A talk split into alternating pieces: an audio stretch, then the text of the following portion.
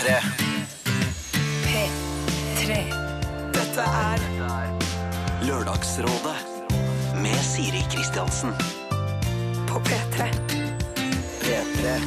God morgen, du hører på Lørdagsrådet. Vi har allerede hørt eh, Imagine Dragons og deres Demons før vi skal nå videre med masse problemer de neste tre timene. Når man er uh, forelska, så skal man jo egentlig bare være glad. Man skal ikke problematisere noe, man skal ikke sette spørsmålstegn, man skal ikke tenke framover osv. Men det går jo ikke. Jeg tror det kan være fint om man i hvert fall ikke tar stilling til alt som måtte komme sånn med en gang. Ok, Så vil ikke han bo noe annet sted i verden enn Porsgrunn akkurat nå, da, men det betyr jo ikke at han ikke vil flytte nordover sammen med deg om fem år. Eller så vil ikke hun ta windsurfekurs nå, da. Hun vil bare ta dykkerlappen. Men hvem vet, kanskje om noen år så vil hun begge deler. Og ja vel, så er han vegetarianer, og det stemmer litt dårlig overens med planene du har for en eventuelt kjøttmeny i et eventuelt kjøttbryllup i en even eventuelt kjøttfremtid. Slapp av, om tre år så har han gått på en kjøttsmell, eller du har vinket farvel til rødt kjøtt for bestandig. Hvem vet? Du vet ikke. For fem år siden, jeg kan jo si det, så bodde jeg i en bitte liten kåk helt alene på Grønland i Oslo uten verken jobb eller sertifikat. Nå kjører jeg stasjonsvogn med to barnesett tilbake til og fra min egen enebolig og min faste arbeidsplass. Vi skal bygge på, og kjøkkenet det pusses opp for andre gang. Altså, ting skjer, og det er bare fem år siden. For fem år siden var ingen av de tingene der. Så om eh, denne dama som vi snart skal hjelpe. Det er en dame som eh, lurer på om hun skal gå fra typen sin nå fordi han sier at han ikke vil ha barn. Men det vet du ikke, og det vet ikke han, og kanskje ikke du heller vil om noen år. Vi vet ikke. Og jeg vet heller ikke hva vi skal gi og råd, så heldigvis legger jeg det i hendene på dagens eh, rådgivere. Jeg sier ikke hvem det er, før om litt. Lørdagsrådet. På P3. P3. Beyoncé og hennes Single Ladies Put a Ring On It. Uh, Beyoncé, norgesvenn, er hun jo nå erklært, fordi hun har vært der. Eh, jeg var ikke på konserten, selvfølgelig. Jeg har jo sagt høyt på radio at jeg heller ønsker å nistirre opp i mitt eget rumpehull enn å gå på en Beyoncé-konsert, og da, da passer det dårlig å, å møte opp, rett og slett. Men jeg ser for meg at på konserten så var det mye single eh, ladies eh, som sto og sang høyt denne sangen her, og tenkte oh, we got the power. Og jeg tror det er en god grunn til at ikke det er så mange som har da, denne ringen på fingeren som det synges om, for det er rett og slett litt sånn usjarmerende for en mann å se sånne damer som står og vifter med fingrene og sier 'put the ring on it'. Bare, det er et privat råd sånn eh, på morgenen. Men vi skal vente litt med sjølveste rådgiveren her i Lørdagsrådet, for vi skal spole litt tilbake til en ung gutt, 20 år gammel student, som begynner, han begynte å miste håret. Han sendte da dette inn til Lørdagsrådet, og heldigvis for han så var både Steinar Sagen og Bjørn Eidsvåg gjester og kunne relatere til problematikken. I tillegg så hadde vi Marta Breen her, som jo ikke kunne relatere, men hun hadde jo et annet råd å komme, hun også. Vi hører litt på hva de sa den dagen. Jeg har begynt å bli ganske tynn på toppen nå sjøl. Jeg er nå 38. Og jeg, jeg har alltid uh, klippet håret mitt sånn kort eller brukt maskin og sånn, fordi jeg liksom tenkte at jeg syns det er greit og det ser ålreit ut. Men det å miste hår oppå er, det, er litt sånn, det er litt større for meg enn det jeg trodde det skulle være. Ja. For Jeg tenkte sånn, jeg er ikke så forfengelig, jeg driter i det. Men når det begynner å bli sånn tynt at du liksom skjønner at faen, jeg kommer til å få en slags måne etter hvert, så er det, det er litt sånn døvt. Vi er alle forfengelige. Vi, vi, vi gjør jo alle greier for å liksom opprettholde det imaget som vi har lyst til å ha. Og jeg skjønner at noen har lyst til å putte litt silikon her og der, eller Botox der. Altså, jeg, jeg skjønner hvor, hvor skal grensa gå? Jeg skjønner at noen har lyst til å ha en slags tupé-lignende sak oppå der, selv om jeg syns det er rart. Det er bare én løsning for gutter som mister håret, og det er å snabbe seg helt. Ja, det er, Det er liksom Men bla, altså blank, eller sånn at det er Altså, du kan jo selvfølgelig spørs jo litt på åssen det ser ut, men altså, man kan sikkert ha noen millimeter og sånn, men eh, Eller det spørs jo hva man kler. Men, eh, men eh, bort med det, og sette fokus på andre attributter. Dette er Lørdagsrådet. På P3. P3. Vi har fått eh, mail fra denne eh, 20 år gamle studenten der han skriver Hei, kjære Lørdagsrådet. Det er jeg som er den 20 år gamle studenten som har begynt å miste håret. Eh, problemet mitt ble tatt alvorlig og diskutert av Marta Breen, Stein Sagen, Bjørn Eidsvåg og deg, Siri, selvfølgelig. Jeg må først få takke for gode råd og innspill og si at jeg nesten ble rørt i tårer av all sympati og fine ord som jeg fikk. Og jaggu vant jeg ikke sjølveste P3 Tirsdag òg. Jeg lastet ned podkast umiddelbart og har hørt dere diskutere mitt sikkert 30 ganger. Det er ingen overdrivelse. Jeg har satt utrolig pris på alt som ble sagt oss i studio, og må si det var ekstra kult at Steinar og Bjørn delte sine historier. Jeg er stor RR-fan og SUBF. Fan. Altså Steinar og Bjørns bærbare fredagsparty. Det var helt sigar. Jeg kan fortelle at jeg etter lengre tenketid har bestemt meg for å kjøpe en barbermaskin som kan klippe hodehår kort og trimme skjegg. Selv om det tar lang tid å bli komfortabel med det hele, så, jeg, så ser jeg nå fram til mitt fremtidige utseende og vil absolutt oppfordre alle andre i samme situasjon til å gjøre det samme. Det fjerner problemet, så man kan tenke på andre ting. Igjen tusen takk for all hjelp. Det har vært til stor nytte. God sommer. Med vennlig hilsen Magnus. Lørdagsrådet på P3. God morgen til eh, dagens uh, rådgivere, som er uh, Jeg vil kalle det en P3 Morgen-spesial, og det er ikke helt tilfeldig. uh, Yngve, Ronny og Silje. God morgen. Hallo, god morgen. Jeg kommer ikke til å bruke etternavn i dag. Er alle komfortable med det? Ja. Det går bra for meg. Du måtte tenke litt, Ronny. Jeg måtte tenke litt. Jeg Ja. tenker, Men jeg bruker Han det har jo en merkevare å ta vare på. Ronny Hustad Ronny Reiten. Ronny vil helst bare gå Han vil helst bare bli kalt for Åse, uansett. eh, ja, Men er dere har så mange etternavn. Dere har Ja. i hvert fall to hver. Jeg kommer til å gå i surr, liksom, for jeg er litt, det er litt for varmt for meg om dagen. Det, Det går går litt bra. sakte i toppen. Men du kan spørre Yngve og Silje, for de har et eller annet sånt. altså det er noe, navn, det er noe gøyalt altså, navnekjør i familiene deres. Altså, Sånn. Hva er det som er gøyalt Ja. med navnekjør i familien Det er deres? morsomt. Kan jeg svare det morsomme svaret først? Ja. Det er at uh, mora mi heter Anne, og faren min heter Det blir mer Oddvar. gøy, ikke sant? Ja. Mens uh, faren til uh, Silje heter Anne, og mora hennes heter Oddvar. Ja, det er hun. Det er Yngve sin humor. det er humor. Nei, hvis du sånn tenker sånn lenge nok på det, så blir det morsomt. Ja, foreldrene våre, altså begge foreldreparene heter Anne Oddvar. Oddvar. Ja. Og så heter jeg Reiten. Yngve heter Reite. Det er noe, det er noe greier Det er noe er der. søsken. Vi er på et nesten søsken, ja. Nesten søsken i to parallelle univers. Mamma har ringt på et tidspunkt og spurt meg sånn Hvor er det han Yngve egentlig? Hvor kommer det navnet Reite fra? Ja. Fordi hun lurer på om vi kanskje er i slekt. Ja, det er fra Ja, for jeg dere er jo oppi der begge to. Ja, bare du er men enda min- mer oppi der, da. Min bestefar kommer fra Sunnmøre, Ja, ja, så det ja, var ja, derfor den telefonen ble tatt. Ja. Jeg tror det reit, kommer fra sånn gårds... Altså samme som et tun, eller oppå en liten, liten haug som kalles for en Sier reit. Kristiansen bare OK. Det her er distriktssnakk. Men du er fra den store Men hvis vi skal ta det fra sør og også nordover, bare for, eh, mest for å pimpe min egen geografikunnskap da har vi, Hvis vi først skulle reist oppover, så reiser vi først hjem til Ronny, det, det så til Yngve og så til Silje. ikke sant? Yes. Stemmer. Stemmer, stemmer. Ja, Det kommer jo aldri til å skje, for så vidt. Men uh, bare? Det er fint å kunne tenke på, på en måte. Eh, dere, jeg spør alltid, eh, og jeg spør også dere, hvilken plattform står vi på i dagens rådgivning? Altså, eh, Har vi hus? Har vi båt? Har vi Sånn, dyr? Har vi kjæreste? Er vi gift? Har vi barn? Vi er jo alle i et forhold, Ja. men i litt ulike eh, Hva skal jeg si eh, Hva heter det? Ulike etapper Ja. i livet, kan man kalle det. Ja, for dere er sånne erfarne forholdsfolk, mens jeg føler at jeg fortsatt er litt uh, Jeg er litt på nybegynnerstadiet. Og driver fortsatt og utforsker og opplever alle de tingene man opplever først i et forhold. Det er den beste tida. Ja, det er veldig koselig. Og, og så har jeg eh, lyst til å kjøpe leilighet, men har, ikke, men har bare fått eh, finansiering av banken. Ja. Så der står jeg økonomisk. Har OK årsinntekt. Ja, ja. Um, Tjener Har- du mer enn Yngve og Silje? Jeg tror nok Ronny tjener mest. Tror det. Ja. gjør jeg det? ja, du gjør Nei, det. det tror jeg ikke. Jeg vet at du Ikke tjener vær- mest. Det er veldig Eh, lett å finne ut av. da. Det er bare å spørre rett ut. Hva Vi, tjener vi snakker ikke sammen. Nei. Jo, men vi har jo snakka om det, Ronny. Ja, vi har Du- pratet om men det. det er jo Jo, ikke men jeg rart at vet han at, jeg vet at den gjør det. ja, men eh, Jeg har jo den jobba med kortest, så jeg tjener jo minst. Ja, det går på Det er naturlig. Ja. Ja. Altså, da tjener vel kanskje jeg aller mest, da. Det gjør det tror nok. Det gjør det. Men jeg har to barn jeg skal føde på, og en er lokfører. ikke sant? Ja. Vi er har statlig ansatte begge to, så det går jo dårlig da. ikke sant? Ja, ja. Økonomisk. Jeg har ikke lyst eh, på husdyr i nærmeste framtid.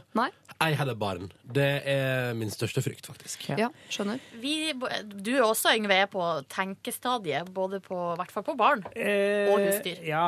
Eh, skal vi ta den oppsummeringa? Ja. ja eh, samboer. Eh, Nokså nylig innkjøpt Nei, den er ikke så nylig innkjøpt lenger. Og har dere gått fra å være avstandskjærleik til samboere? Sist de var i Lørdagsrådet. Det var artig at du husker sånt, Siri. Da var hun på uten, uh, På utenlandsopphold. jordomseiling. Ja. Men nå, nå har hun flytta hjem til meg. Vi bor nå på samme 66 666. kvadratmeters leilighet her i Oslo. Eh, nyt balkongen. Eh, ikke barn. Eh, Nyter det, si. Nyter det, ja. ja. Det blir ikke på en stund. Nei. Men uh, har stødig, stabilt uh, ganske greit forhold. Fy faen, for en kjedelig gjeng. Skal jeg ta fortsette å være like Det kjedelig? selvfølgelig fullt av utroskap og sånn, da. Ja, ja, ja. Ja. ja, ja, ja. Jeg er skal jeg si, Har dere sagt hvor gammel dere er? 29. 26. Ja, jeg er 28 år og er samboer. Kjøpte leilighet i fjor sammen, men da hadde vi vært samboere et par år. Har eh, snakka om barn. Det er på blokka, men ikke noe sånn Ikke i morgen, liksom. Nei. Og eh, kjæresten min er jo ei jente, så det krever litt Oh my god, I know! Så det krever litt ekstra planlegging. Det er fellesnevneren vår, at vi alle digger damer. Det er felles plattform, Ja. ja! Ja. Der møtes vi.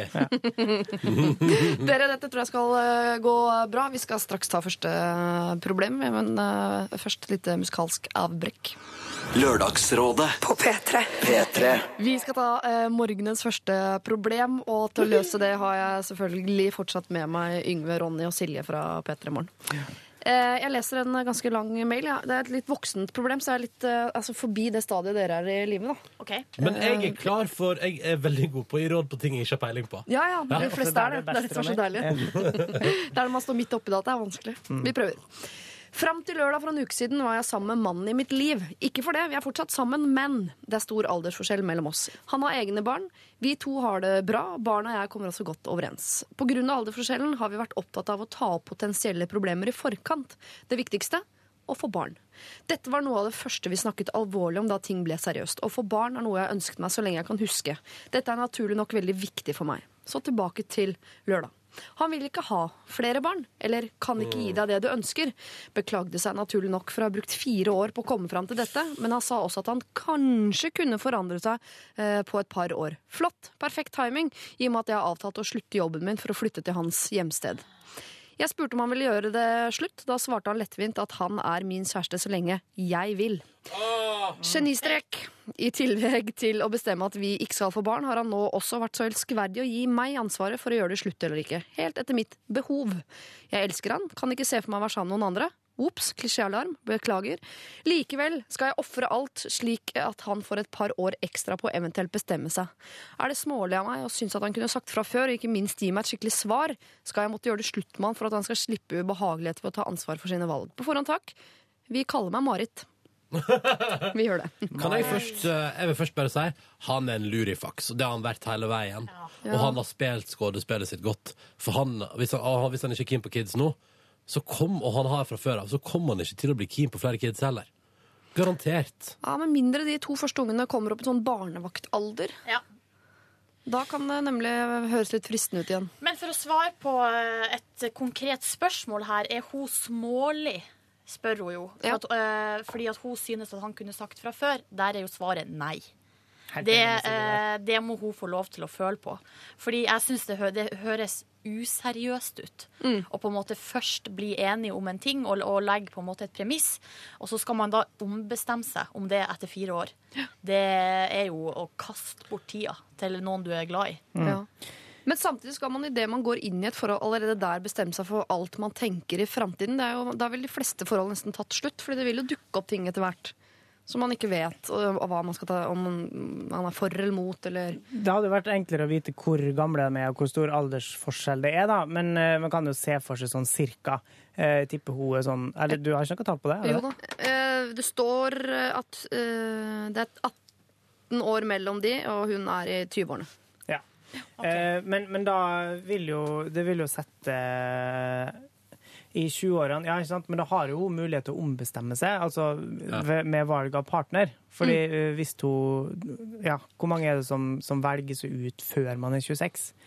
Det er, liksom, det er ikke sånn at det er Det for seint om to år heller. Så er det ikke en sånn, hvis han da fortsatt ikke vil ha barn, så har ikke toget gått for hennes del. Nei. Og på Og hun må, ingen hun må tenke på liksom, primalbehovene til folk sånn sett. I følelseslivet så er jo kjærligheten viktig, og man skal velge make med omhu, men man må velge noe man kommer overens med, noe man ser for seg at man kan fortsette med. Eh, og hvis det er megaviktig for hun å få barn, så må jo hun øh, få det. For hun kan ikke gå et eh, langt liv i ulykkelighet og så finne ut når hun kanskje er sånn ja, 39 at Faen, det er vet, altså. Men jeg skjønner at hun her eh, Jeg, jeg har full forståelse for at hun blir litt opprørt her, fordi at uh, her har de på en måte hatt en slags avtale eller en overensstemmelse, Mm. og så går han etter fire år og ombestemmer seg. Ja. Og det er et eller annet med at da kan man begynne å tenke sånn OK, hvem er han her fyren? Ja. Er, er vi på samme Kan On the man same avtale med page? han? Ja, Ja. på en måte. Er han til å stole på?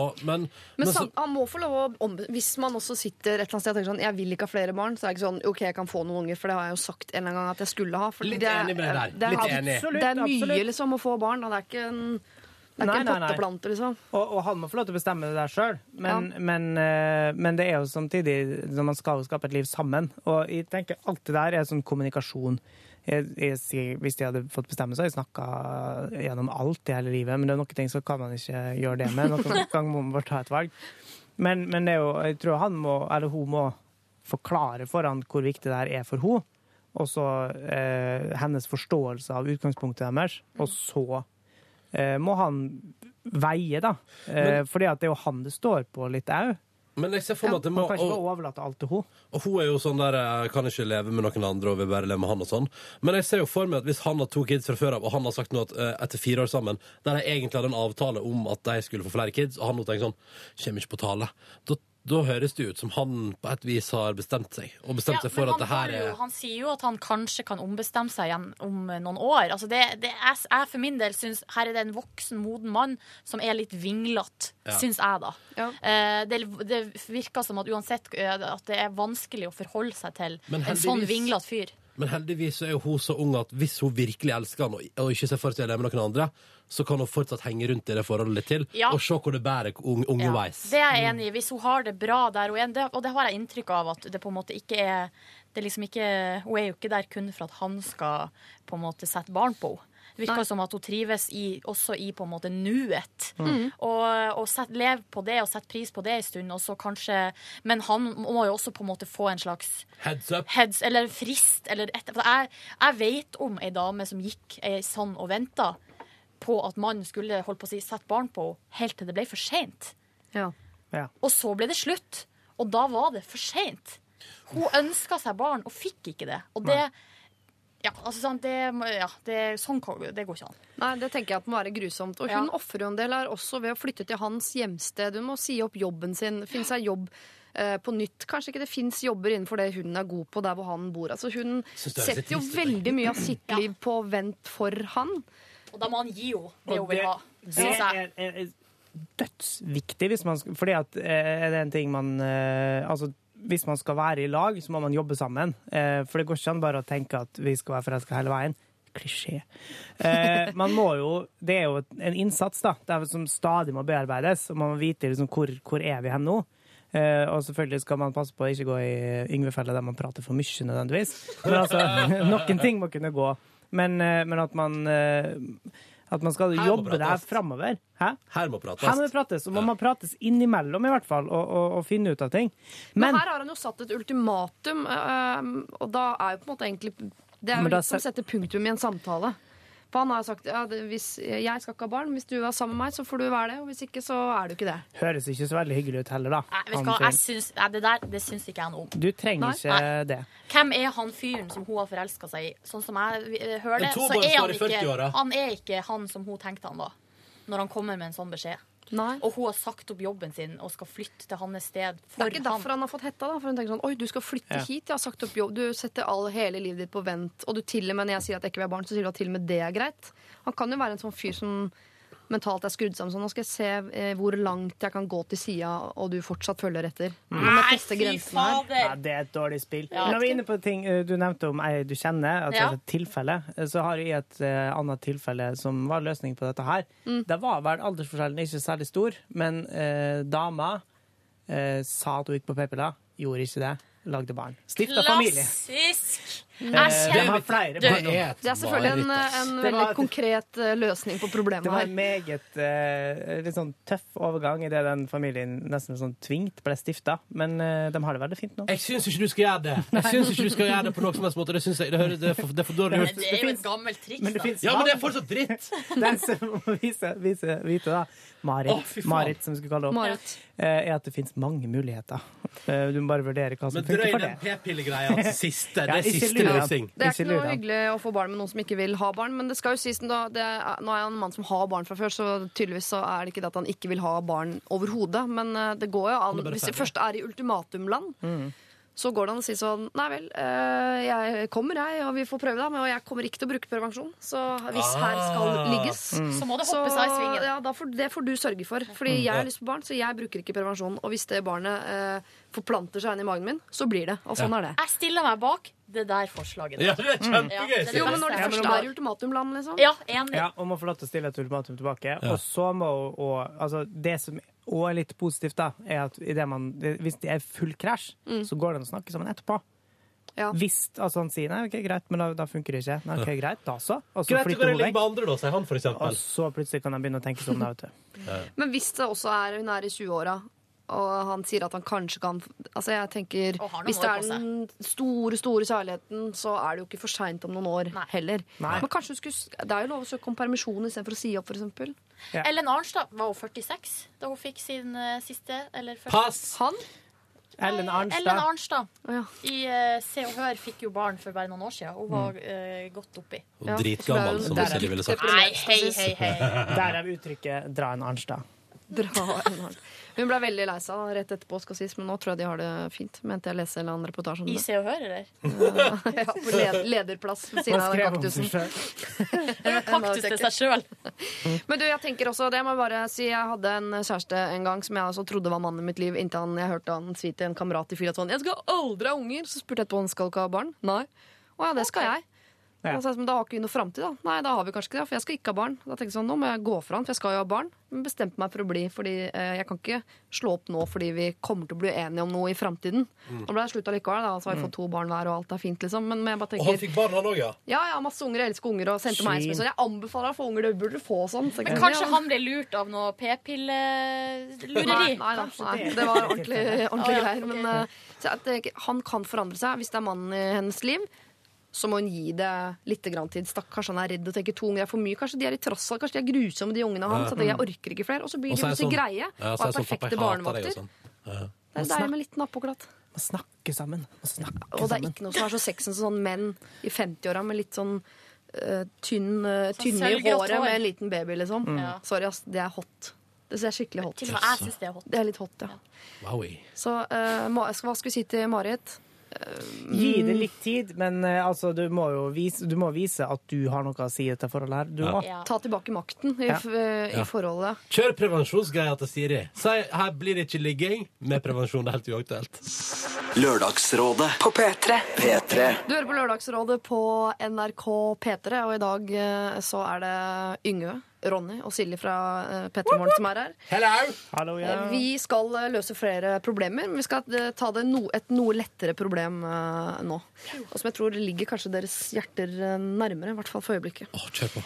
Kjære Lørdagsrådet. Til jul fikk jeg et ukepass til Øyafestivalen i sommer. Jeg har vært på Øya hvert eneste år siden jeg var fem, og gleder meg naturligvis veldig til årets festival. Øyafestivalen har vært en del av barndommen min. Så lenge jeg kan huske har det vært en perfekt avslutning på sommerferien. Men nå har det seg sånn at jeg flytter hjemmefra til høsten for å studere i en annen by. Og flytting fører som kjent med seg større omkostninger enn forventet. Jeg har dessuten allerede planlagt en fet rundreise i Europa på over tre uker. Og der kommer det selvfølgelig også til å forsvinne en del penger. Så spørsmålet mitt er skal jeg selge billetten min til Øyafestivalen?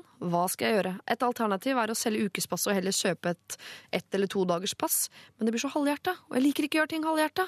Hilsen helhjerta foreviget Øyabarn 20 år. Oi, oi, oi.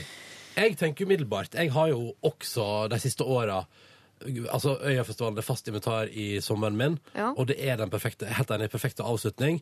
Og jeg har noen av mine flotteste og deiligste sommerminner fra Øyafestivalen.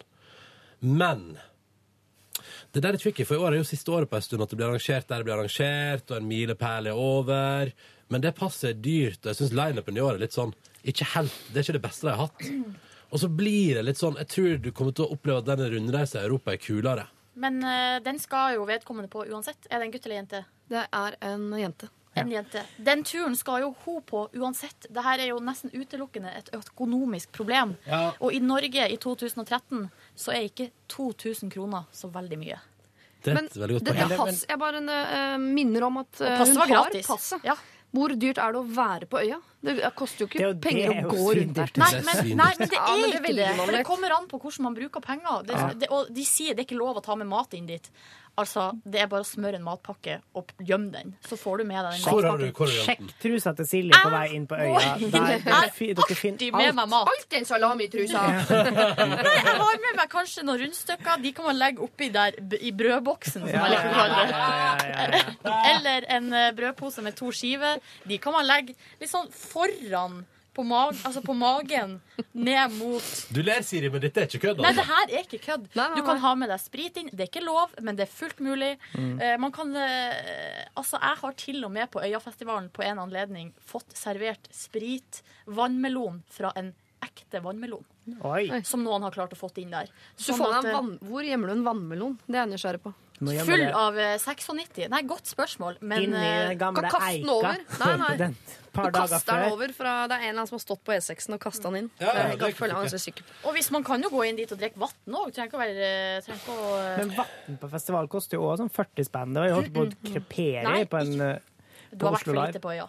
Ja, jeg har ikke vært på øya, faktisk. Jeg er En av de få P3-medarbeiderne som aldri har vært på øya. Eh, Og nå har det, blitt, nå har det eh, blitt en greie, så nå skal jeg ikke på øya. Jeg har vært der og likte det ikke. Jeg skulle ønske jeg kunne si det du sier. Men, men, men altså, jeg er veldig glad i festivaler, og jeg syns alltid, og det er jo sønn av en bibliotekar eh, og kulturforkjemper, som sier Yngve, det kan du ta deg råd til. Ja. Eh, og det er nesten uansett hva det er snakk om med, med konserter og billetter eller kulturopplevelser, det skal man bare unne seg, og det koster penger, ja det gjør det, men du får det jo til på en eller annen måte. Hvis hun har passet fra før og skal på en tur, så har hun egentlig ikke et problem. Og det kan være tapt arbeidstid, kanskje, men det er også fullt mulig å gå på jobb og så dra på festival etterpå. Det får man til. Ja. Samtidig så tror ikke jeg Øyabarn her uh, trenger å ha noe sånn dårlig samvittighet for å droppe Øya et år. Det er altså Jeg syns det er for tidlig å være så fornuftig. Jeg sånn Nei, jeg må spare de 2000, jeg, for det er så mye omkostninger rundt dette med å flytte. Ja, altså, hadde jeg vært Jeg, jeg, var, jeg var 19 år og skulle flytte fra Førde til annen plass for å studere,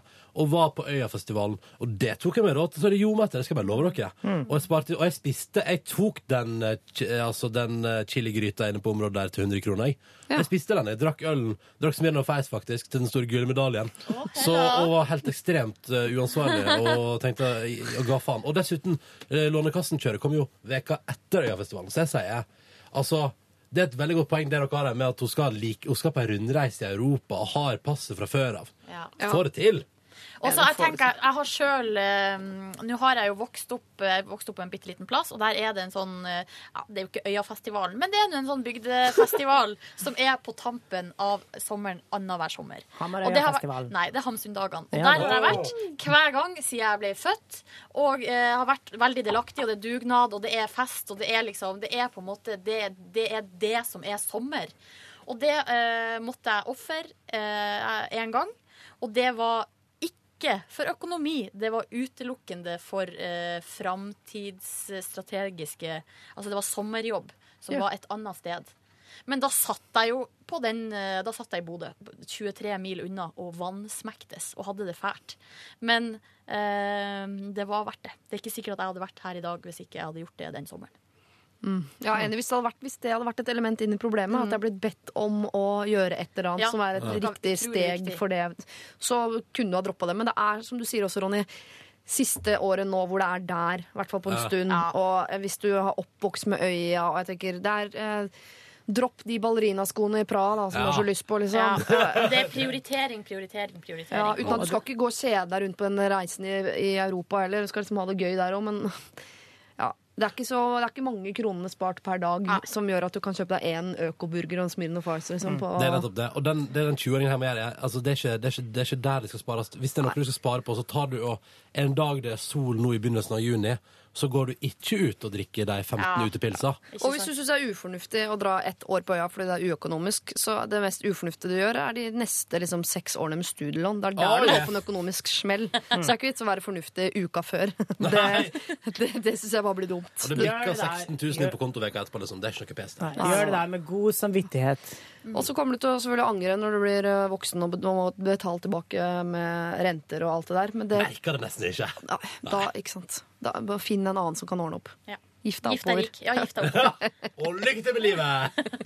P3 Lørdagsrådet på P3. Silje fra P3 Morgen sitter eh, ved min eh, høyre side. Ja. Jeg måtte tenke. Eh, Ronny, du sitter på min høyre side. Og venstre. Kommer an på hvilken runde man tar i ringen. Yngve mm. til min venstre. Jeg sitter liksom nesten rett overfor deg, men bare nesten. Ja. For jeg sitter på skross, og jeg har satt meg nå på sånn at, Du vet, jeg liker å Du sitte på stolen. hva heter det når man sitter den veien på hest? Hest. Det er sånn som man Sånn gjorde i gamle dager. når møy, eller sånt. Ja, sånn som ja. jenten satt på hesten. Ja, Ja, sånn sitter jeg på stolen. Jeg liker å sitte med og lene meg med armen på der jeg egentlig skal lene meg med ryggen. Du er en divantype, du. Jeg er en divantype. Ja. Sjeselongfyr, Oh, liksom. lol, yes. Det er ikke, du er ikke den mest feminine gutten jeg kjenner, eh, Ronny, men akkurat det der er litt feminin. Det skal du ha for. Så kred, kred til deg. Mektige menn har ligget sånn før, Ronny. Men eh, Ronny er veldig trygg på sin egen seksualitet. Det er og, ja, Ja, og feminitet. Det er så deilig når man kommer dit i livet. vurderer å kjøpe meg en manbag. Bare det ikke er hipbag, så er jeg fornøyd. Send God til formiddag, alle sammen, eh, står det her på toppen av en eh, mail. Jeg var på generalforsamling for borettslaget her om dagen. Etter møtet hilste jeg på de som bor i rekka foran rekka jeg og samboeren bor i. Da jeg hilste på de som bor rett over plenen, så nevnte de at de hadde sett bevegelser, og at det kanskje hadde vært greit å trekke for gardinene. Jeg, jeg er opptatt av å være snill og grei, så når jeg sa til samboeren min at vi kanskje skulle begynne å trekke for gardinene når vi skulle gå rundt nakne og kanskje kose oss litt, så syns hun at vi kan gjøre hva vi vil i vår leilighet. Oh. Jeg er for så vidt enig i det, ettersom vi eh, går ikke inn for å vise oss fram, og det gjelder for det meste når vi skal til og fra dusjen. Jeg tror ikke de ser oss når vi har sex, for da er det mørkt ute og inne. Er jeg sær? Eller skal jeg ta det opp i eh, respekt for eh, naboer? Med vennelsen meg, 21 år gammel gutt. Gjør hva du vil, så lenge du ikke eh, stiller det opp i vinduskarmen Og bank, og banker på og får folk til å se inn. Jeg går så mye naken rundt og sprader, og jeg har bodd tettere, altså jeg har bodd i tettere bygårder enn jeg gjør nå. Og der gjør jeg nøyaktig det jeg vil. Men altså, om jeg har lyst til å gjemme bort, så gjør jeg det. Men hvis jeg føler at dette her Nå skal jeg eh, bort på soverommet, og så innom dusjen, og så kanskje hente noe på kjøkkenet. Ja, det gjør jeg med den største selvfølge. Du bor i en by, hvis du ikke tåler å se folk, så må du flytte vekk derfra. men Yngve, Yngve, Yngve, Yngve, nå må jeg spørre. Har du opplevd situasjoner der du vet at naboer eller lignende har sett deg naken? At du vet sånn Der blei hele meg Ja. vist fram til hele han eller hun. Ja, jeg kan godt fortelle om den situasjonen som Trekker du ut magen og blåser opp kassa? Eller gir du helt? Nei. Jeg lå, det var da de nettopp, det her er nå da fem, seks, snart seks år siden, da de nettopp kjøpte meg eh, leilighet på et sted som heter Grünerløkka i Oslo. Aldri hørt om. Ja. Nei. Eh, og så eh, da det var, Den var såpass ny at jeg enda ikke hadde fått opp gardina. Eller var det at gardina Vi trenger ikke å gå så i Glem det. Men det jeg gjorde, var det var sommer, det var veldig varmt. Så jeg lå i senga, hadde sparka med dyna, hadde ikke på meg klær i det hele tatt. Eh, og så lå jeg sikkert og leste eller gjorde på et eller annet, og så eh, Helt naken. Altså, det var idet jeg hadde våkna jeg var, Med altså, sokker? Dyna var kanskje ved siden av meg, eller noe sånt. da. Ja. Eh, og så, eh, når jeg da skulle stå opp, så så jeg ut av vinduet, og der sto det en eh, Det må ha vært en håndverker av et eller annet slag som sto i stillaset? på, Nei, ikke på stillaset, men han sto i vinduet på liksom, den gården rett over og røyka og så på meg. Og du var naken. Eh, ja, ja.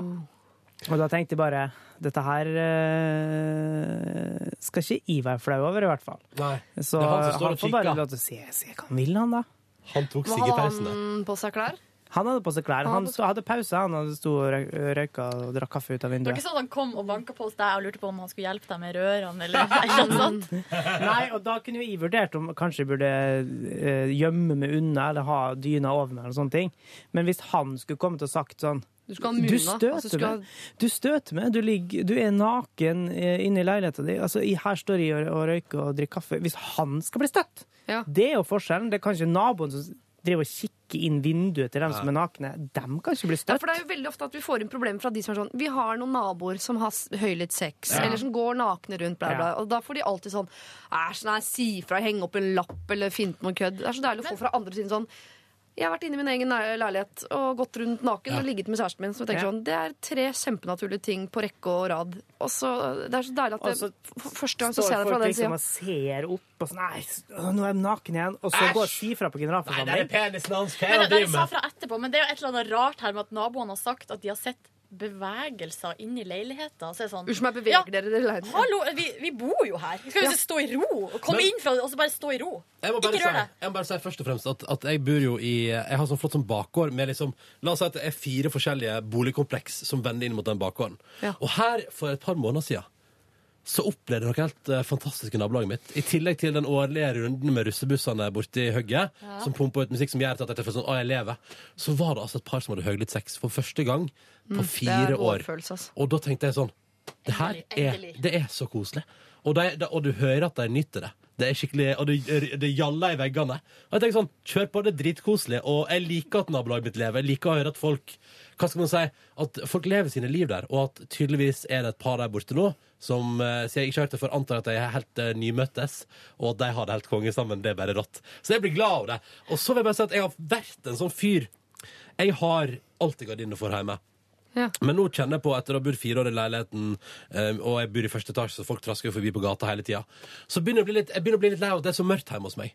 Uh, fordi jeg har heller ikke sånn Jeg har sånn lampefest i taket, men jeg har ikke ordentlig lampe, så jeg har liksom bare litt sånn forskjellige smålys. Så nå er det sånn, nå kan det hende at gardina står og gløtter i stua når jeg går forbi på vei til dusjen, eksempel. Eller at eh, ja, en dag så er det litt, glø- altså det er litt gløtting, da. Og jeg tror ingen, jeg har ikke lyst til at folk skal gå forbi og se rett inn på meg når jeg er naken og på vei til badet for å dusje. Eh, men jeg er sånn, hvis noen skulle få en flik, så får det så være. Men kan jeg anbefale deg plissé-gardiner, Ronny? Hva kaller du det? Hva her? Plissé-gardiner. Det vet ikke jeg hva er for noe. Det er gardiner Det er en eh, slags persienne, men du kan velge om du vil heve den fra bunn eller fra topp. Sånn at du kan da ha gardiner bare fra bunnen av vinduet til midten, oh. for Sånn at eh, om du er naken eller ikke, veit ikke folk, for de ser bare et hode. ikke sant? Er det det som kalles sånn skamgardin, eller et eller annet sånt? Kanskje der du kom fra, det vet jeg ikke. Men eh, for oss i interiørbransjen så heter det Vestlandet. Vestlandet heter det skamgardin. Dere, jeg bare, jeg vil, guttene har jo bare eh, hva skal jeg si, eh, kjørt på her med, Dette hadde vi nok å si om. med sterke argument. Jeg stiller meg bak alt. Men jeg bare tenker, for, for hans del og for kjæresten sin del, så kanskje den sexen for åpen scene når de er unge folk, for at da er det kanskje man er liksom helt hemningsløst.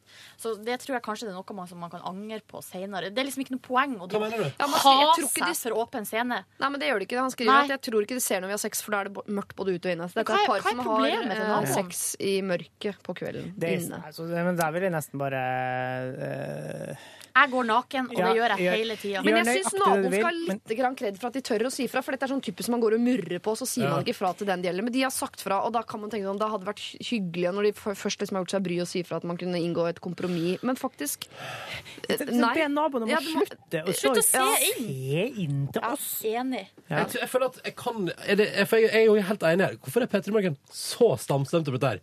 Men jeg føler at, at Men eh, ingen har noe med hva du gjør på inne... jeg å gjøre. liker vet du, Hvis jeg vil gå naken hjemme hos meg sjøl, så føler jeg at det er min Altså det er den eneste plassen der jeg føler meg.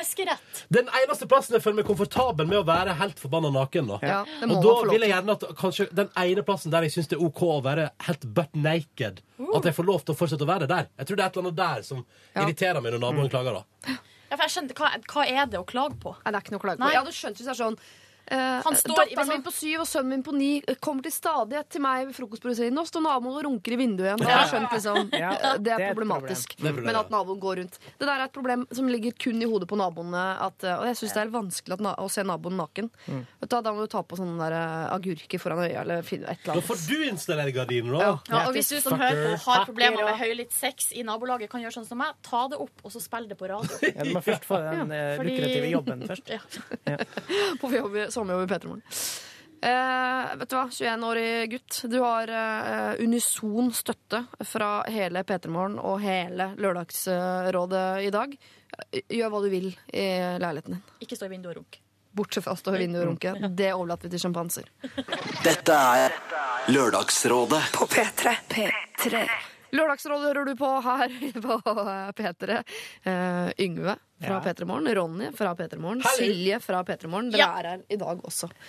Det har, eh, det har blitt en lang uke for dere. Det setter jeg pris på. Men så jeg pleier å si, uh, jeg stiller alltid opp når Lørdagsrådet spør. Samme her. Vi setter pris på lange uker i P3 Morgen. oh, det er, eh, alle er i pluss. Det syns jeg er hyggelig. Jeg setter pris på å være et program der, uh, der du titulerer meg som rådgiver. Det, ja, men det er deilig, da. Man Ja. føler seg så smart. Ja, fryktelig. Vi skal gå over til en dame her som ikke er en kollega av, eh, av oss. Eh, Hun sliter med sin eh, kollega, rett og slett. Derav går jeg ut fra at det ikke er oss. Ja, det vet sant. vi jo ikke. Det kan jo selvfølgelig være en kollega av oss. Det vet vi ikke. Hei. Jeg er ett hunnkjønn på 30 som fikk min første fulltidsjobb i 2011 etter mange års studier. Jobber nå som ingeniør og har gjennom hele studietiden hatt diverse småjobber. Det har da også blitt eh, mang et julebord eller andre ting hvor det er alkohol og god mat. Så da kom problemet. Hvordan takle at kollegaer drikker seg overstadig? Det er ille nok å måtte feste med kollegaer eh, som man skal ha et profesjonelt forhold til, og man ikke skal måtte glemme alt neste arbeidsdag. Fram til nå har jeg prøvd å unngå så mange tilstelninger som mulig. Det er ikke en løsning å selv drikke meg til sans eh, og samling heller. Jeg er ikke avholds, og jeg er glad i fest, men da sammen med mennesker jeg kjenner godt på privaten, eller mennesker jeg ikke kjenner og ikke skal se igjen. Det kan da nevnes at jeg ikke har noe annet enn eh, et jobbforhold til mine kollegaer, og det fins verken grunnlag eller behov for å endre på dette. Lørdagsrådet er fantastisk radio, står der, og vi, meg og mine to små, koser oss foran radioen hver lørdag morgen. Jeg Dette er ikke for eh, barn, jeg bare sier fra det. Altså. Vennlig hilsen fastlytter. Angrer litt på den runkepraten vi hadde i stad. unnskyld, jeg håper ja. ikke barna kidsa forstår kids, ikke hva runking er, vet du, så det er null stress. ja, De skjønte det med sjimpanse. Ja, de snakker om sjimpanse på radio, så gøy. Kan jeg si en ting der? Selvfølgelig, det er derfor det er Fordi jeg vil, jeg, vil, jeg, vil, jeg, vil, bare begynne, fordi, for jeg føler at dette her har Silje og Yngve mer å si om meg. Fordi i utgangspunktet så, igjen, jeg syns det er hyggelig å være litt venner med de du jobber med, fordi det skaper bedre arbeidsmiljø. Så jeg heier jo på Jeg syns jo, jo oftere jeg kan gjøre ting på fritida med de jeg jobber med, jo mer stas er det. Videre så har jeg aldri forstått helt de som er sånn Å nei, jeg vil ikke drikke meg full med de jeg jobber med. For det, sånn, det er også gøy. Men jeg forstår det sånn at nå er jeg heldig å jobbe i P3, som er en veldig ung radiokanal der det er veldig få menn i 60-åra som f.eks. tafser på jenter i 20-åra. Eh, og det, det er jo et sånt fenomen som jeg hører fra venner av meg som jobber i litt andre bransjer, at det er ting de sliter med, men som jeg ikke sliter med. Så sånn sett ser jeg at, at jeg har det litt enkelt. Men jeg, det, jeg føler at det er litt lite om den. Hvorfor, hvorfor har du den? Hva er problemet? Ja, for her, Verken tafsing er ikke, eh, er ikke nevnt. Er- Her er det nok bare en som syns det er vanskelig å, å, å se folk profesjonelt den ene dagen, og med Ja, sånn, slipset ja. på huet dagen der, et, og så dagen etter skal det være profesjonelt igjen, og som sliter litt med den uh, okay, sånn, ja. Jeg ja. tipper at dette er en jente som ikke har vært glad i å se at foreldrene hennes har drukket, for eksempel, hvis de har gjort det. Men, Hvis problemet er hvordan å takle at kollegaer blir uh, overstadig berusa, så, eh, så tenker jeg at kanskje det går an å finne en slags kompromiss der man drar og f.eks. på et julebord spiser god mat. Eh, kan, kanskje det er noen taler, at det er litt hyggelig. Kanskje det er en sang eller noe, noe, noe sånn underholdning av noe slag. Og så går man hjem. Altså, vi- Hun har jo barn. Mm. Kan gå hjem klokka tolv da, eller klokka elleve. Skal rekke et tog. Og så slipper man. For at det kan jo hende at det er noen som, eh, som går eh, ryker litt utpå glattisen og blir overstadig under middagen. Ja. Men de fleste blir jo først overstadig litt sånn utpå. Mm. Gå sånn- hjem før det skjer. Det som er litt dumt, er at eh, her må man jo velge, da. Eh, sånn for min del og i mine jobber opp igjennom, så begynte jeg ja, sånn, Før jeg begynte å jobbe i P3, så jobba jeg stort sett som yngstemann i litt sånn andre kontoraktige jobber. Er det, da- kan man jobbe som yngstemann? Er det en stillingsbeskrivelse? Nei, men altså, jeg, var, jeg endte alltid opp med å være yngst, da. Ja. Eh, og da var det litt sånn, da hadde jeg ikke rett og slett interesse av å henge med de folka. Og, og vi kunne godt gå ut, og det var julebord av og til og sånne ting. Men jeg hadde ikke noe sånn behov for å, for å ha noe mer enn et jobbforhold til dem jeg jobba sammen med, og så kunne eh, henge med vennene mine og, og og, gå på fylla der.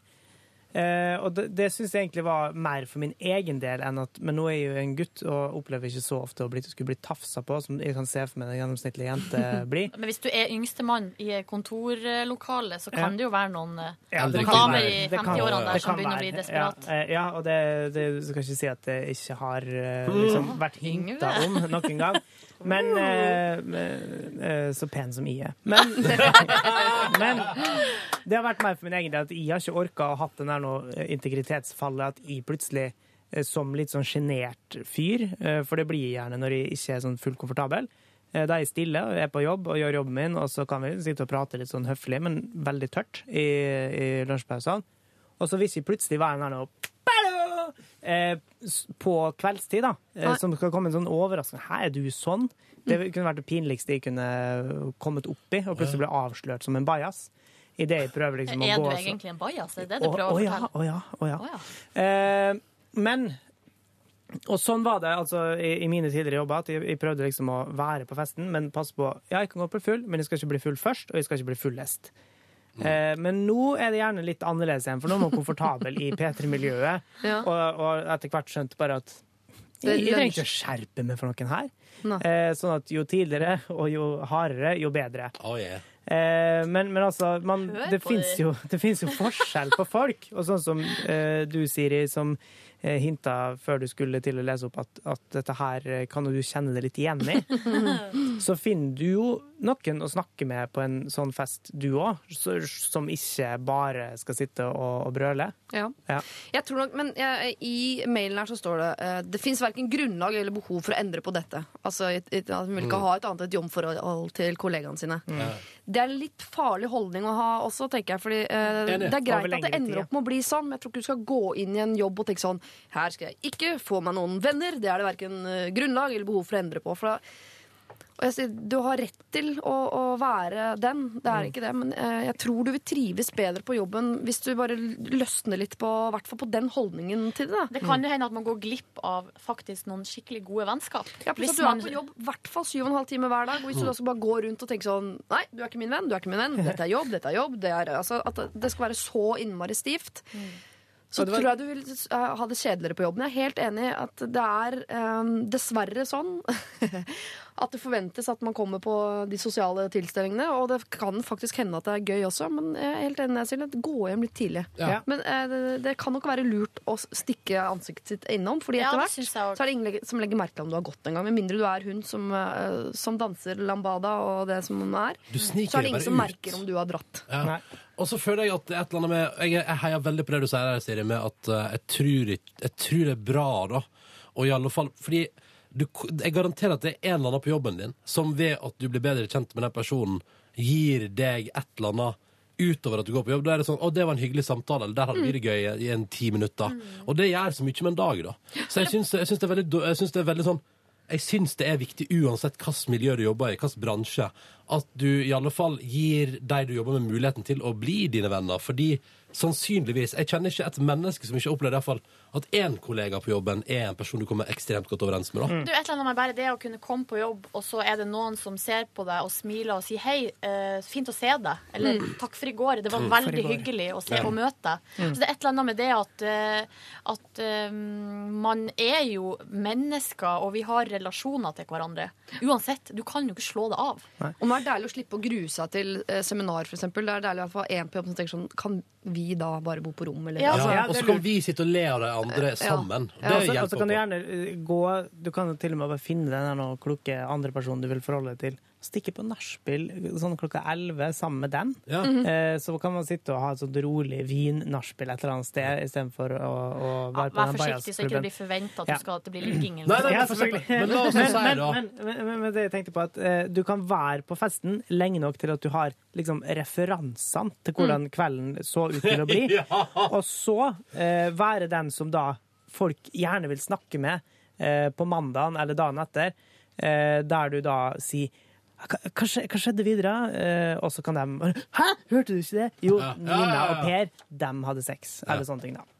Men også, også vil jeg også uh, bare si masse forståelse fra programleder på at eh, det kan være problematisk og folk du skal ta seriøst i et jobbforhold, og se de sånn snydens. Jeg skjønner at det, at, at det er noe man kanskje ikke har lyst til å oppleve, men da må man, da må man gå hjem tidlig. Men Hvis det, nå har jeg heldigvis ikke det, men hvis hun her har en sjef i sitt ingeniøryrke som blir sånn uh, rølpedrita klokka uh, halv åtte mm. på kvelden, sånn, så syns jeg det er lov å si fra til sjefen. Ja, det der er ubehagelig. ja, jeg syns også det er lov å si fra, ja. Uh, Fordi uh, man er jo voksne folk. Ja. Tross alt, liksom. Og, og det er jo en, en eh, fest i jobbens regi. Og da eh, Jeg, jeg i hvert fall syns ikke det er noe artig når folk er, ligger og ruller som 14 14-åringer, liksom. Nei, jeg synes, som Prinsipielt så mener jeg at sjefer Det er ikke på eh, jobbfest at de skal bli fullest. Det får man ta på privaten. Kollegaer de får holde på som de vil, egentlig. Mm, fordi ja, der er det ikke noen regler. Men uh, som sjef så bør du tenke litt Altså, det, Som eh, ellers i uka, tenker litt lenger enn jammer andre om bord. Jeg kom på en ting som Det er jo litt morsomt at vi snakker om dette her nå, for den jeg vet som bruker å bli fullest på våre julebord, Mm. det er jo produsenten i Lørdagsrådet. Som, som, som sitter like ved siden av oss. Nei. jeg ikke kom på det Er det sant, Jonas? Det var, vi hadde et uh, julebord på Jar der eh, du og, og Beate dansa veldig morsomt. Jeg blir, jeg, da ble jeg Det var første gangen jeg turte å bli så full. Jeg husker det det. Jeg har bilder inspirerte i hodet. Det inspirerte meg litt, for Inntil da så har jeg vært litt sånn litt tilbakeholden på jobbfest. For at jeg tenkte at jeg skal ikke være den som utmerker meg. Men så tenkte jeg jeg kommer aldri til å utmerke meg den gjengen her. Kjære faste lytter og dere to små, hvis dere fortsatt eh, hører eh, på. Ehm, eh, du, trenger ikke å, du trenger ikke å ta over festen. Fint å dukke opp innimellom og åpne opp for at det kanskje er noen av kollegaene dine som du trenger ikke å bli venn med de privat, men som du kan ha hvert fall en eller annen relasjon til som er noe sterkere enn bare at det er en annen i grå dress i samme kontorlandskap. Så tror jeg du vil få det kulere på jobb, og så går du hjem før det virkelig liksom Før vi blir Jeg sier sjimpanser igjen, jeg har bare til glede for. For For- for, For våre yngre lyttere. Sjimpanse. Dette er Lørdagsrådet På P3. P3. Silje spiser. Eh, Ron, Ronny har vært på toalettet. Yngve, du har sittet her sammen med meg og eh, skravla.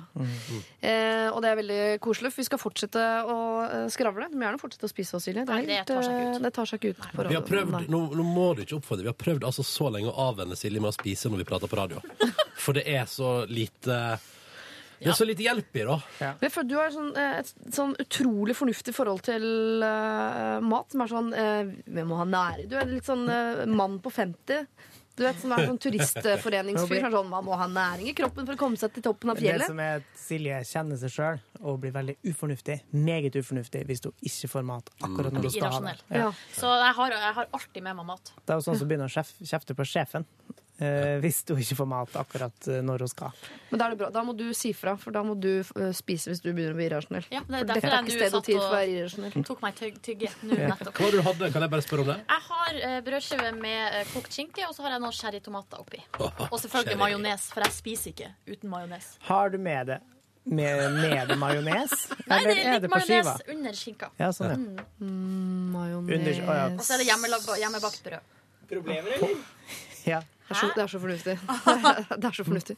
OK, vi skal ta et uh, problem her uh, som handler om både kjærlighet og hat. Som jo er uh, to av grunnpilarene i livene våre. Eh, Søstera til kjæresten min hater meg. Og ordet hat er ikke overdrevet. Jeg opplevde henne som hyggelig første gang vi hilste, men siden den gang har det gått nedover, og en kan kalle det hele for temmelig kjølig. Eh, De som søsken har jo nå liten eller ingen kontakt, eh, og det får jeg offentlig skylda for, da de tidligere ble betegnet som verdens beste søskenforhold. Når det nå gjelder meg selv, har jeg kommet til et punkt hvor jeg ikke engasjerer meg lenger. Etter å ha prøvd i flere år å være vennlig, invitere hjem til oss, foreslå felles ting, men aldri fått noe tilbake, kun et surt tryne. Jeg har prøvd å spørre meg selv hva som er problemet, men det ga ikke noe svar. Og jeg har vel pusha kjæresten min en del i å finne det ut også. Men han sier nå at han ikke gidder å bry seg. Er det det jeg også burde gjøre? Jeg tar det veldig innover meg at situasjonen er slik. Foreldrene hans er jo flotte mennesker, og jeg syns det er leit at bursdager og familiemiddager skal være preget av denne kleine stemningen som nesten alltid blir mellom da meg eh, og søsteren til kjæresten min. Eh, hilsen Live. Hun har noen eksempler her også på hva hun legger i at søsteren Ja hater. takk. Ja, takk. Hun har blitt beskyldt for å, for å stjele av Oi. søsteren. Eh, Hun, søsteren har sagt at uh, livet er grunnen til at eh, kjæresten At hun og broren da ikke lenger har noe godt forhold. Er søstera Trude Sagen? Nei. at jeg har med hensikt har sabotert. At vi hadde det så bra før du kom. Og, ja, Og det og hun hilser ikke. Hun hilser heller ikke på henne, ikke engang i familieselskap. Hva er det her slags jævla kjerring? Ja. Åh, Men altså, Da snakker du om søstera, jeg blir så sliten. ja, ja. Bra, bra, bra. Her, vet du hva? Det er jo, jeg føler at uansett når folk er voksen, så må man Det har jeg hørt at råd har blitt gitt her, lignende råd. Foreldrene må jo inn her. Hvor er mor og far? Ja. De må inn og, så, og spørre hva er det som skjer her mellom to søsken. Ja. Og så greie ut i, i, av det. Og i det. hvorfor kan ikke hun unne nei, broren sin å være lykkelig med sin kjæreste? Jeg dette forstår jeg ingenting av. Jeg har jo nøya for at eh, folk som Altså at familie til kjæreste ikke skal like meg. Det er jo min største frykt i livet. Jeg hadde jo dødd i et sånt forhold. Jeg hadde jo dødd med sånn uh, søster til kjæreste. Altså, jeg hadde jo fått helt angst av det. Um, så jeg, jeg blir sånn Det der er Jeg forstår at det der er tungt. Og så syns jeg heller ikke at hun bare skal la det være sånn. Fordi du kan jo ikke Det går jo ikke an at alle familieskap resten av livet skal handle om at du blir beskyldt for å stjele eller bli behandla som dritt. Derfor hadde det vært en øh, Hadde vært tanta til oldemor kjæresten. liksom, på Ja. 96 år. jeg holder ut de siste to åra nå, og så er Ja. ikke hun et problem lenger. Men det er søstera. Det er hun som kommer til å bli der lengst. Det er hun du skal faktisk forholde deg til etter at foreldrene er borte. Hun Du skal, skal jo i måte være med. bryllupet ditt òg. Ja, Når dere får barn og de får barn, så skal barna de, altså, Dette er et Ja. menneske du er nødt til å forholde deg til øh, resten av livet. Men jeg blir veldig overraska når jeg hører om folk som oppfører seg så irrasjonelt. Fordi at det er en ting å ikke Du kan ikke like alle mennesker i verden, og, og det kan hende at man får ei svigersøster som man ikke liker. Men det må da vel kunne gå an å helse? Ja. Og si hei! Eh, Altså, sånn, hvor vanskelig er det? Det er jo der man må liksom finne ut eh, hvilken type forhold man skal ha, da. Eh, hvis det, er såpass, det er jo såpass åpent at hun, hun, hun Live her har hørt fra søstera til typen hva hun syns om, om henne. Eh, og det er, jo, det er jo i hvert fall et steg på veien til liksom å kartlegge hva som er tilfellet. Men det eneste de, de må gjøre, er jo eh, bare å si greit, men, men vi trenger ikke å forholde oss til så mye til hverandre. Men familien må jo fungere fortsatt. Og det går jo ikke an at eh, typen til livet skal komme på eh, middag alene fordi at søstera hans er, er, er idiot. Men noe, jeg tror mye Eller- av problemet her er at de har vært verdens beste søskenforhold. Til Ja. og med hun søsteren har sagt at Sjalusi, du er grunnen til ikke sant? Dette virker, Det høres jo nesten ut som utroskap. Så Mm. det er noe sosialt litt skrudd oppi hodet her til søster, tror jeg, som er sånn Mm. Jeg har et så godt forhold Du har stjålet broren min. Mm. Så er sånn, ja, men hva var alternativet? Skulle det bli dere to, da? Eller altså, jeg får litt sånn, litt sånn Dexter-feelings her. Altså, hva du kan, altså, han er broren din, men han er ikke din, liksom. Han skal han skal ut av redet og bli sammen med en annen. Og det virker ikke som hun takler det. da. Det her er skikkelig sånn det her Og så får jeg Jeg får så lyst til å Fordi jeg, jeg, jeg, jeg går rett dit at jeg tenker sånn Det må være noe i det. Fordi mennesker kan ikke være så kjipe mot andre mennesker ubegrunna. Men så kan det jo faktisk hende at det ikke er noe i det. Og da blir jeg, da blir jeg veldig sånn irritert på, på hennes vegne. Men så veit jeg heller ikke helt hva, hva slags råd Altså Jeg syns at det må røkkes opp med rota, det der. Ja, men det, det som er problemet med, Ja. med liksom søskenforhold, da, er at grunnlaget ligger så forferdelig langt tilbake. At det er en plass der man kan være kjempeirrasjonell eller eh, altså bare handle på et slags sånn instinkt, er jo nettopp mellom søsken. Jo, men ikke med, har- ikke med vennene til søsknene dine, eller Nei, nei. kjærestene til søsknene dine. nei. på en måte. Nei, men, men det er jo sånn når man, eh, når man blir voksen og f- eh, Jeg har to brødre, og de stifter jo familie. Eh, og det er jo sånn Jeg må jo bli kjent med eh, altså deres uh, samboere, da. Mm. Eh, og litt sånn Litt uavhengig av mine brødre må jeg liksom kunne bli kjent med dem for å, fordi at de skal passe ungene deres, og eh, vi skal ha såpass mye i lag, da. Ja. Eh, og, men det har jo gått veldig bra i mitt tilfelle. Men, men jeg hører jo om familier der, der det er såpass mye krangling mellom søsken at uh, ting ikke fungerer. De må liksom feire separat jul og sånne ting. Uh, og, men det her er jo en, et annet tilfelle igjen, for her er det jo beef mellom sånn svigerinnegreier. Mm. Jeg Som får jeg jo ikke inntrykk skjønner at egentlig hun fra. søsteren er sur på broren sin, men fordi hun er glad i broren sin, så er det lettere selvfølgelig å bli sur på det nye Ja. elementet Ja, men som er henne. idyllen, da, sant? Ja, men det kan jo også være at, at han har forandret seg helt vilt etter at han ble sammen med da Live. Ja. Og at søsteren syns det er vanskelig å se sånn Å ja, verdens beste fyr har plutselig blitt en, en Nå skal jeg si noe av det verste jeg veit om, da, men en gamer. Oi, han fikk seg skinnfrakk og begynte å dra ned blendegardinene. Ja, what the fuck, du har ødelagt broren min. Men allikevel, eh, da, og det skjønner jeg kan være litt sånn sårt, at man føler at man mista verdens beste menneske inn i et eller annet uh, sort hull sammen med en dame som bare dro han inn dit.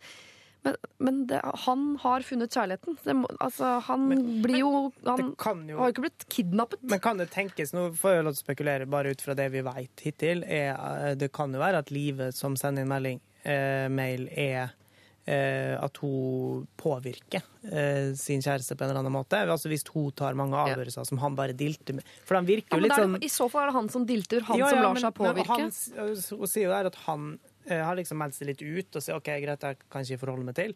Mm. Eh, og hvis han er sånn at han alltid har gjort det søstera si, og så nå er det plutselig nå gjør han alt det, det Ja. dama si, så må hun dama kanskje eh, Det virker kanskje litt usexy å få typen til å ta sine egne valg, men, men altså at eh, det må liksom Hvor ligger problemet? Jeg Ligger det at hun her- tar avgjørelsene for han? Så er jo kanskje det vil jo et, et søsk... Altså, hvis, hvis dama til broren min hadde begynt å bestemme alt han skulle gjøre, Ja. Så ville jo jeg reagert på det. Ja, Da må du ta det opp med broren din. Ja, det er Ja, akkurat det. Jeg syns her at her skal mor og far kalle inn sine barn. Altså eh, eh, kjæreste og søster her, og så skal de fire sette seg ned. Og hvis det er flere søsken, så skal de være med de òg, og finne ut hva er det som er problemet her. Mm. Hvorfor sier du at kjæresten min stjeler ting fra huset, når det ikke er sant? Altså De tingene der. Og så må hun livet her holde seg litt utafor. Og så når eh, man har funnet, kommet fram til hva problemet er, så kan hun uh, møtes eh, med sin svigerinne, de to. Ja, for Live har prøvd. Hun har invitert hjem, hun har foreslått felles ting. Aldri fått noe tilbake. Men det var intervention må man ha. Ikke, Ja. ikke fellesmiddag og, og sånne ting. Intervention. Du er ei bitch mot uh, dama til broren. din. Hvorfor oppfører du deg som dritt mot dama til broren? din? Ja.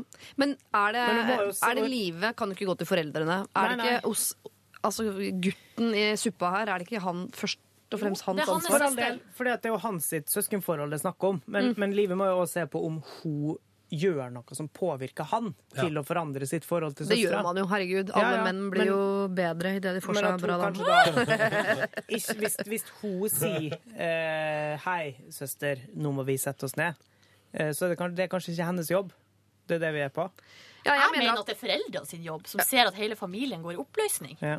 Hvor er de henne? Jeg mener, jeg mener at Hadde jeg vært uh, da, så hadde jeg på et tidspunkt fått så nok at jeg hadde spurt Hva er det som gjør Hvorfor liker du meg ikke? Hvorfor får ikke vi dette til å fungere? For jeg prøver. Hva er det? Hva kan jeg gjøre for å få dette til å fungere? Jeg vil gå dit, jeg, kanskje. Men det er med kanskje foreldre som foreldre til stede og alt, da, sånn at Ja, søsteren gjerne- ikke bare liksom kan av? Ja, så hun ikke kan bare feire vekk og bare sånn Nei, nei, nei, jeg har aldri sagt Bare sånn full konfrontasjon med alle til stede. Hva er det jeg gjør som provoserer deg så jævlig at vi ikke kan ha et normalt forhold? Og det kommer til å bli vondt, og det kommer til å bli litt sånn dansk eh, dogmefilm over det. Ja, ja, ja. Eh, Men eh, det der problemet der må røkkes opp med rota. For hvis ikke så kommer det til å være sånn for alltid. Og da ender man i situasjoner der bryllup blir ødelagt, begravelser som i utgangspunktet er trist, kommer til å bli enda verre. Altså, alt blir ødelagt. Og eh, til syvende og sist sånn. så kan det jo prege de også som par, hvis de plutselig Ja. blir isolert og ikke kan være med på noen ting. Absolutt. Jeg tror jeg ville ha gått til typen og sagt eh, Jeg hører du sier at du ikke bryr deg, men det må du, for dette går utover meg også. Søsteren din, foreldrene dine. Så du må bry deg. Fiks det.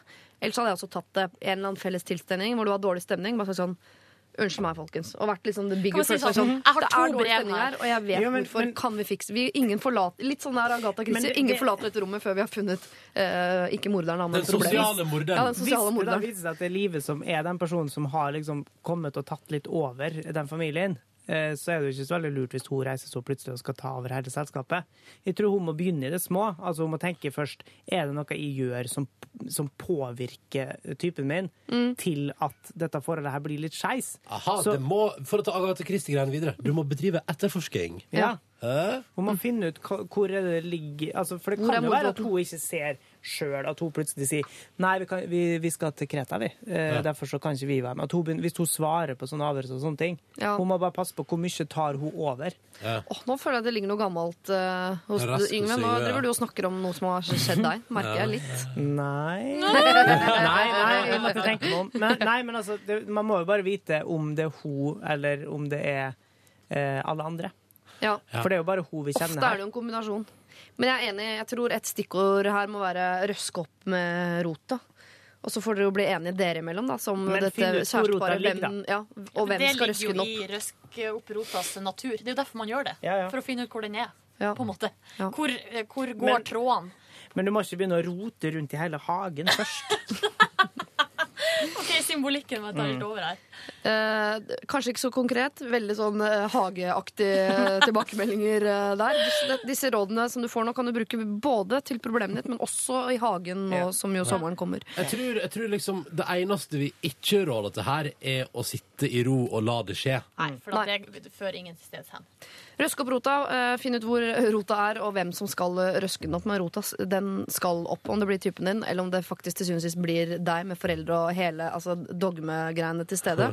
Ja, so be it. Det kommer uansett til å bli bedre på andre siden. Ja. Ja. Dette er Lørdagsrådet På P3. John Newman der med 'Love Me Again'. Før det hørte vi også 'Fouls My Number' her i Lørdagsrådet. Jeg har allerede nevnt at det ligger et eh, bilde av dagens lørdagsråd på eh, Facebook. Og heldige var vi, for det bildet er ikke så gærent. Men det er jo ikke alltid det går den veien. Det hender jo at eh, ikke du selv legger ut et bilde av deg selv hvor du ser helt crap ut på Facebook. Det er ikke så vanlig, men at andre gjør det. Og så tagger de deg sånn «Seo», og så ser man helt uh, nerd ut og syns det er flaut. Og de fleste går bare videre. Men vi fikk en eh, mail fra en som het Victoria for en tid tilbake. Så syntes det var problematisk at det lå bilder av henne der ute hvor hun selv syntes hun ikke så ut. da. Og lurte på om hun eh, på noen som helst måte kunne få det fjerna. Den eh, dagen hadde vi besøk her i lagsrådet av Gunnar Greve, Mia Hundvin og Håvard Lilleheie. Og de fikk lov til å svare litt på akkurat det der. Det er lov å si fra uansett, har det ikke? Altså Svaret er såre enkelt ja. Selvfølgelig skal du og kan du og bør du si ifra. Hvis ikke du er happy med de bildene som ligger ute. Det første du kan gjøre, er jo å untagge deg sjøl. Det er jo preventivt på et vis. Og så, og så eh, vil jeg uten tvil gå til bedt vedkommende fjerne. Eller så kan du være så lite selvhøytidelig at du tenker fuck it, det er jo meg. Sånn ser jeg ut av og til. Det, det hadde du tenkt, tipper jeg. Det er litt sånn være med på leken, smake steken, tenker jeg da. Eh, og, og hvis du er der at du for guds skyld for alt i verden ikke vil ha bilder av deg sjøl ute hvor du ikke ser alt annet enn perfekt ut, vel, da er kanskje ikke Facebook, Twitter og lignende plattformer et sted for deg. Hvis jeg hadde sett det, så hadde jeg helt sikkert ikke kunnet sagt at gud, se på hun der i pysj. Selv om hun føler at hun eh, kanskje ikke er på sitt fineste, så er det noe sjarmerende med at eh, man ikke er perfekt. Men kanskje han heiter Ronny 19, som er mye på helsestudio. Men faen, faen, hun vil ikke være sammen med han. Dette er Lørdagsrådet På P3. P3 Vi har fått en eh, tilbakemelding også fra Victoria som skriver Hei, Lørdagsrådet. Takk for at dere tok opp problemet mitt, og takk for gode svar. Jeg valgte å la bildene ligge på Facebook, og jeg lot også være å untagge dem. Sånn ser jeg ut i pysj, og sånn er det bare. Og jammen var det deilig å drite litt i hvordan man ser ut. Tusen takk. Hilsen Victoria. Det er veldig koselig å høre, Victoria. Jeg hører, håper at det er flere også som hører at det kan være litt deilig nettopp der, og prøver det selv. Vi skal høre en gammel røyksopp-låt. Låta som kanskje fikk eh, Norge og verden til å oppdage et eh, fantastiske lille ensemble, eller duoen, eller kall det hva du vil. Dette er eh, Eple. P3. Dette er Lørdagsrådet med Siri Kristiansen. Du hører på Lørdagsrådet fortsatt. Hvis ikke du akkurat skrudde på, da, da hører du på Lørdagsrådet allikevel. Eh, Siri Kristiansen heter jeg. og sitter her sammen med eh, P3 Morgen-gjengen. Ronny, Silje og Yngve. Og jeg synes det er overraskende mye energi og godt humør etter en lang uke. Gratulerer. Det er, altså, energi og humør er jo eh, mellomnavnene våre. Ja. Mm. ja. Vi skal, vi skal døpe oss faktisk neste uke. Slo meg plutselig vi er jo en, vi er jo en P3 Morgen-klump. Fordi at jeg begynte, Da jeg begynte å jobbe i P3 Morgen, så var jo Siri programleder. Og så Ja. var jeg der en overgang til uh, Ronny ble programleder. Ja. Du er på en måte fellesnevneren her. Ja, Du er den røde tråden. På mange måter. Hold det gode humøret oppe. Ja. Uh, vi, skal uh, inn i sommeren og inn i bryllup og inn i musikkens uh, problematikk. Yes. Hei, jeg gifter meg til sommeren og trenger desperat hjelp til å finne aktuelle sanger til seremoni osv. Og, og ja, det er et problem, for etter å ha leita etter sangen med min kommende mann, liker jeg han mye mindre. Syns selv at bryllup er ganske kjedelig, så vil gjerne tilby litt ekstra til mine gjester. Eh, Så at min favoritt Ronny skulle være gjest, og tipper eh, at han har noe bra tips. PS, dere er fantastiske. Takk. Altså, eh, hun skal gifte seg. Mhm. Syns ikke forslagene til mannen eh, når hva angår musikk, er spesielt eh, gode. Legger mer sin lit hos Ronny, faktisk. Men- det var meg, Men er det prosesjon i kirka, eller er det festen etterpå? Seremoni og uh, Ja, de skal lete etter virker som de skal lete etter en sånn felles uh, sang. Ja. Jeg ser litt for meg at ned kirkegulvet liksom, så vil hun ha litt mer sånn uh, Puff Daddy, mens han vil ha uh, hymnefnase. Ja, vi, vi har ingen forslag fra henne. Nei da. Vi vet ikke hva Vi stiller med blanke ark. Det må Men- bare være kulere enn han fyren hun skal gifte seg med, som hun liker litt mindre nå. Men det er spesifisert i e-posten at jeg jakter på den låta, eller jeg jakter på liksom den spillelista som Hun får sier festen i gang. aktuelle sanger til Seremoni, seremoni og så osv. videre. Seremoni sånn, er jo i kirka eller en annen plass da, når på en måte man skal ha det Ja, ikke, ja, da, ritualet. da, da er jeg med. Da er jeg, Ja. med. jeg bare lurer på om det var liksom playlist til festen. Men da er jeg med.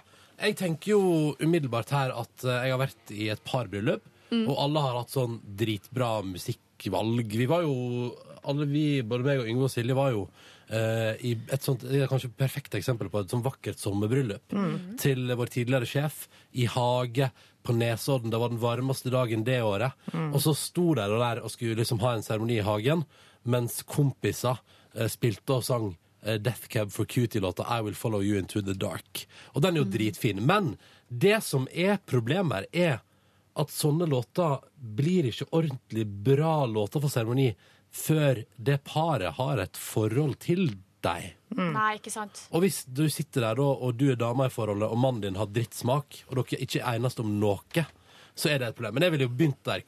Fins det én låt begge to tenker sånn Ja, det er en av de fineste låtene jeg vet om. Men det er jo der i Altså i eh, Nå vet jeg ikke hvordan Ronny kommer til å reagere, men eh, hvis man skal i, inn i en sånn uh, sang, så da mener jeg at man burde gå for noen sånn klassiske valg. Altså ikke nødvendigvis noe ekstremt velkjent, men altså at noe som er noe begge kan enes i er fint, men som ikke er favorittsangen til den andre. Mm. Eh, altså Mm. Hvis man da går popmusikkens verden, eh, syns de kan være litt vanskelig. For det fins veldig mye fin, eh, litt sånn stemningsskapende musikk som er meint for den slags eh, begivenheter, eller har liksom blitt til den slags begivenheter. Eksempel? Som eksempel visemusikk eller kirkemusikk. Tradisjonelle greier. Men uh, kan vi jo bare ta den uh, Love Actually Er det Love Actually uh, der de er Wet, i kirke? All, you, all you need is love? All you need is love. Ja, for jeg tenker, i, I et bryllup så er det litt lov å, å smøre seg inn med klisjeer. Ja, det- jeg syns det. Jeg syns det. Ja. Eller- Men ikke velg 'Kiss from a Rose', for den er, den er for uh, Eller Shania, Shania Twain med 'From This Moment'. Den er litt fin, faktisk. Ja, også, ja. Men ikke velg Shania Twain med 'That Don't Impress Me Much'. Det må du ikke gjøre. Men det, er, det der er dritvanskelig, og jeg har tenkt på det sånn hvis jeg en dag skal gifte meg Det, kommer, altså, det største problemet er altså, Jeg driter i kjole, buketter, arena for happeningen. Ja, altså, alt det driting. Så jeg må bare, det, da må den låta være der. Den ene perfekte. Og det, hvis- du er vel antagelig den som er mest musikkinteressert av oss, Ronny. Og den som har mest peiling, antagelig. Uh, unnskyld, Nei, altså, Silje og Yngve, men det må vi enig. være enige om. ja, Ja.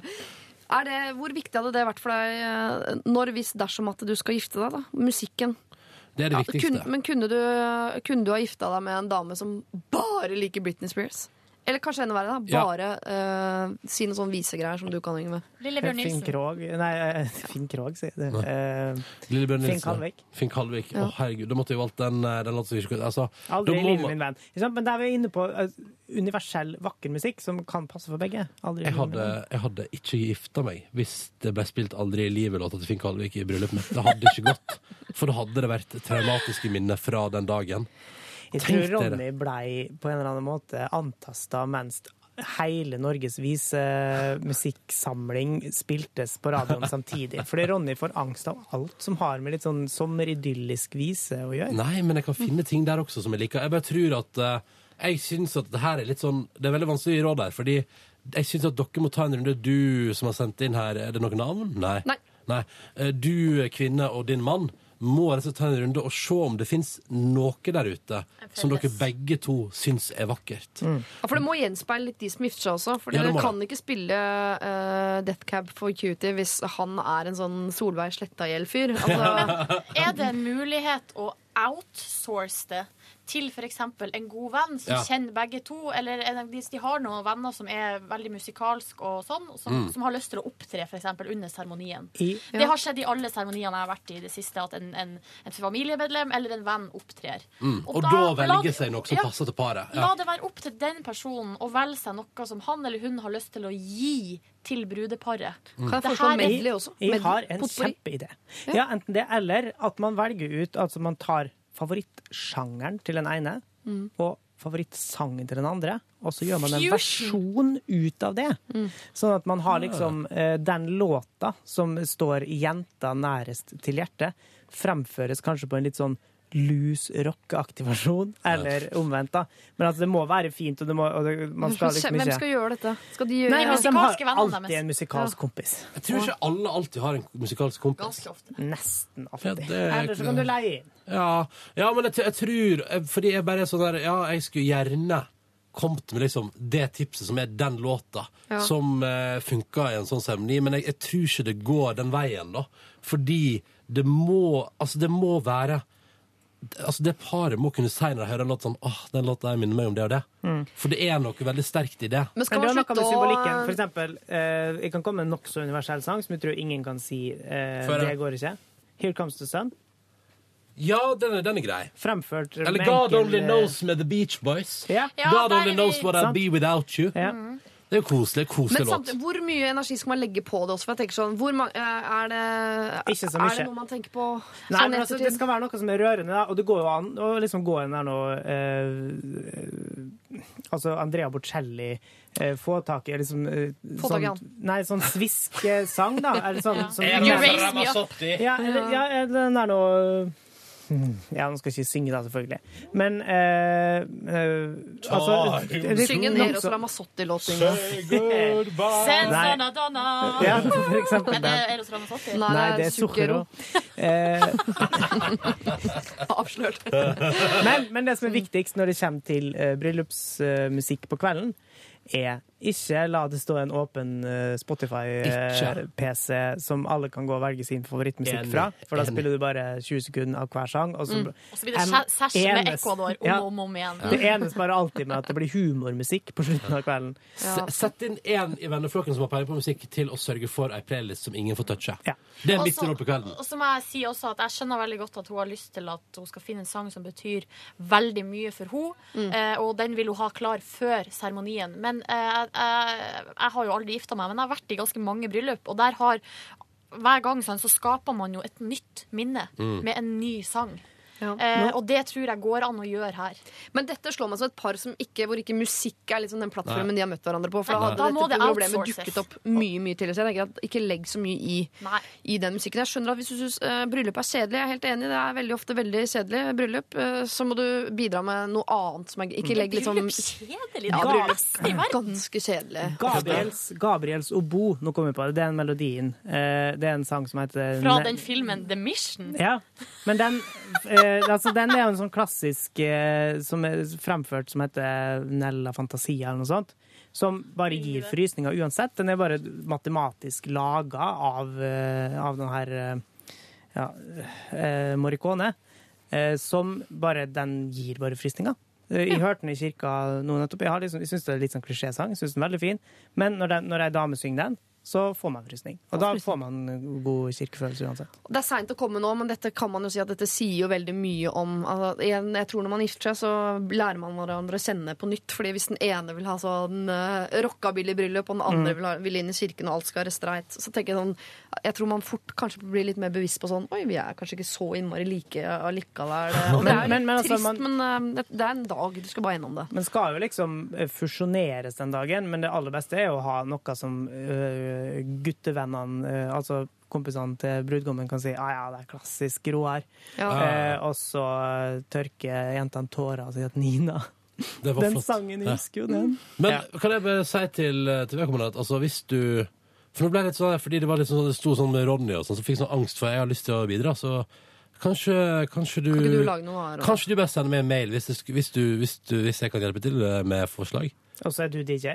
Nei, nei, nei. nei, Eller vil du synge Nella Fantasia? Jeg kan synge Nella, jeg vet ikke hva det er for noe. Men jeg skal bare si at mailen min er åpen hvis du vil. Ronny etter nrk.no, så, er det bare så kan vi ta en prat om det hvis du vil. Oh, jeg liker den bedre med Sarah Brightman.